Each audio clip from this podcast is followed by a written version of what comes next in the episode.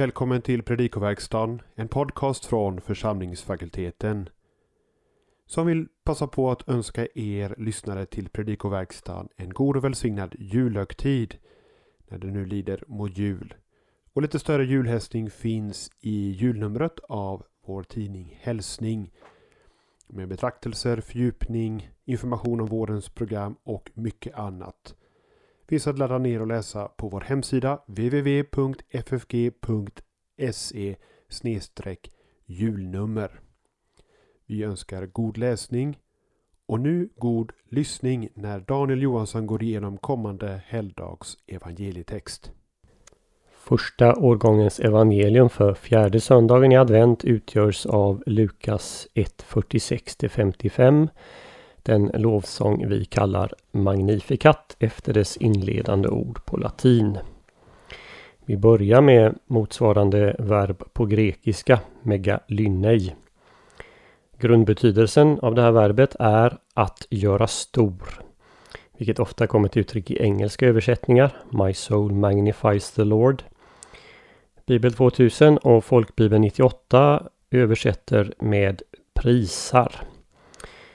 Det här kan motiveras med att Septuaginta ofta översätter det hebreiska verbet gadal när det används i lovsånger till Gud. Till exempel i Saltaren 34.4. Notera dock att engelskan även i Saltaren översätter detta verb med magnify. Folkbibeln 2015 har i mitt tycke översatt bättre när de formulerade med upphöjer. Den Vanliga svenska översättningen gör att man till exempel inte märker att samma verb, megalyno, förekommer i 1.58 där det står att Herren gjort stor barmhärtighet med Elisabet. Notera för övrigt också att he psychemo, min själ, är synekdoke för jag. Alltså en del refererar till helheten. Ett liknande problem som i vers 46 möter i vers 47, nämligen hur mycket en eventuellt hebreisk bakgrund ska prägla översättningen. Verbet egaliasen, jubla, står i grekisk aorist. Men många översätter i presens i parallell med megalyno i föregående vers som ju står i presens. Någon motiverar detta med att det skulle vara fråga om en tidlös aorist influerad av den tidlösa hebreiska perfekten. Men det är också fullt möjligt att tänka sig att auristen faktiskt är ingressiv. Min ande har börjat att jubla. Och orsaken till att anden jublar det finner vi i början på vers 48 där det står Hotti epeblepsen eftersom han har sett och så vidare. Substantivet ten eh, tapeinosin i samma vers har grundbetydelsen förnedring. Det är precis samma substantiv som används om den barnlösa Hanna i Första Samuelsboken 1.11 i en formulering som är nästan helt identisk med inledningen på vers 48 här i Magnificat. För den här parallellen så kan du se på pdfen till den här podden på vår hemsida. Apotonym, också i samma vers 48, är ett exempel på hur en bestämd artikel kan göra ett ord som tillhör en viss ordklass till ett substantiv. Nyn är ju ett adverb men artikeln gör om det till ett substantiv från nu eller från denna stund. Notera hur Bibel 2000 och Folkbibeln översätter verben olika från och med vers 49 Verben står i aorist på grekiska. Bibel 2000 tycks ta aoristerna som gnomiska eller som motsvarande den tidlösa perfekten på hebreiska och översätter därför med presens. Folkbibeln slår följe med majoriteten av översättningar och översätter med imperfekt. Imperfekt tar fasta på det som Herren redan har gjort och som ligger till grund för upphöjelsen av Herren i den här sången. Adjektivet megaleia i neutrum avser stora ting. Vidare i nästa sats, Kai hagion to onomauto. Där är verbet vara underförstått. Och den här så kallade kopulan, den saknas även i nästa vers. I vers 50 kan uttrycket eis geneas kai geneas vara temporalt. Från släkte till släkte. Eller så kan det uttrycka ett mål.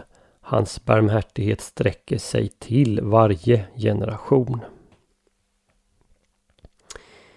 Vi går till vers 51.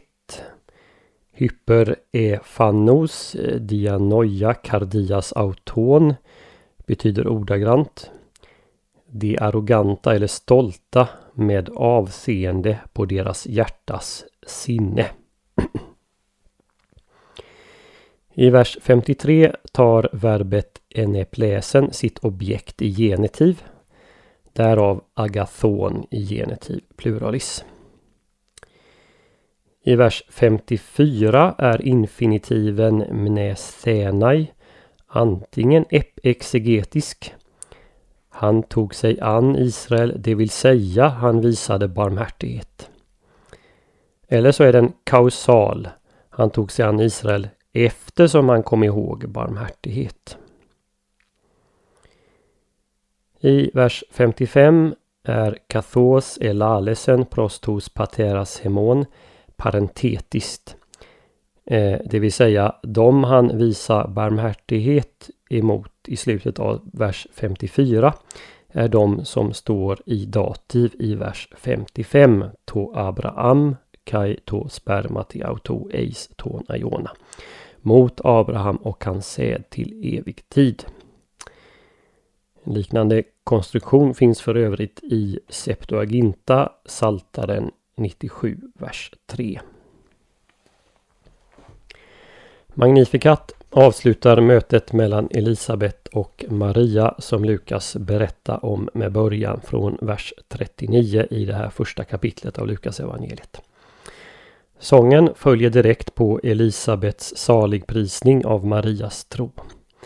Direkt efter hymnen följer en kort notis om att Maria stannade hos henne, det vill säga Elisabet, i tre månader.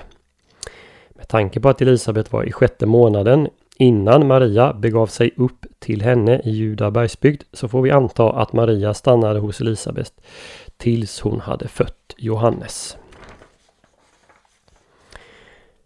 Till både uppbyggnad och innehåll är Magnificat gammaltestamentlig i sin karaktär. Lovsånger till Gud för hans ingripande sjungs av Mose och Miriam, Debora, Asaf och Judit i apokryferna. Men den närmaste parallellen finns väl ändå i Hannas lovsång i första Samuelsboken 2, 1-10. Magnificat är till sin form närmast en hymn. Hymnen består av två delar. Först har den en uppmaning till att prisa Herren och sedan följer en motivering till lovprisningen. Den mest koncentrerade av dessa i Saltaren det är psalm 117. Men vi har många andra exempel som i Saltaren 8, 33, 47, 100, 135 och 136. Ett typiskt drag i den hebreiska poesin det är parallellismerna.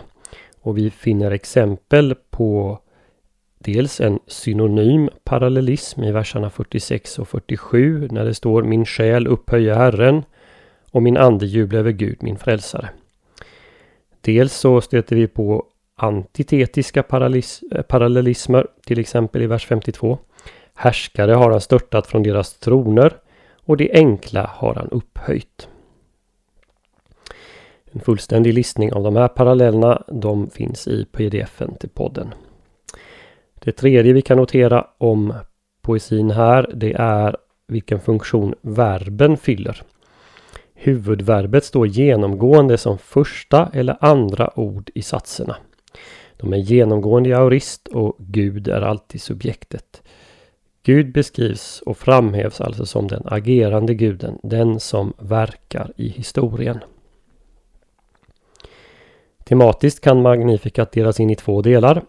Eh, den första delen, 46 49, beskriver Guds mäktiga gärningar med sångerskan och den andra delen 50 till 55 beskriver Guds mäktiga gärningar för Israel som helhet.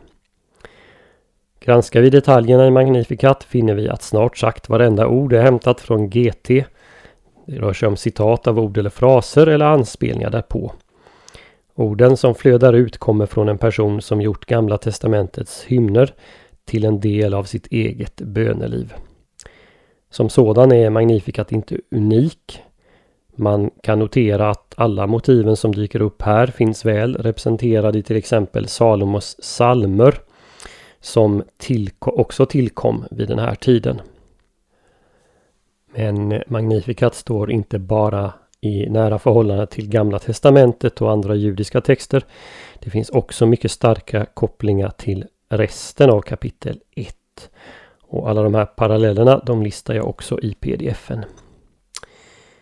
Till sist tar vi upp några centrala teman i Magnificat.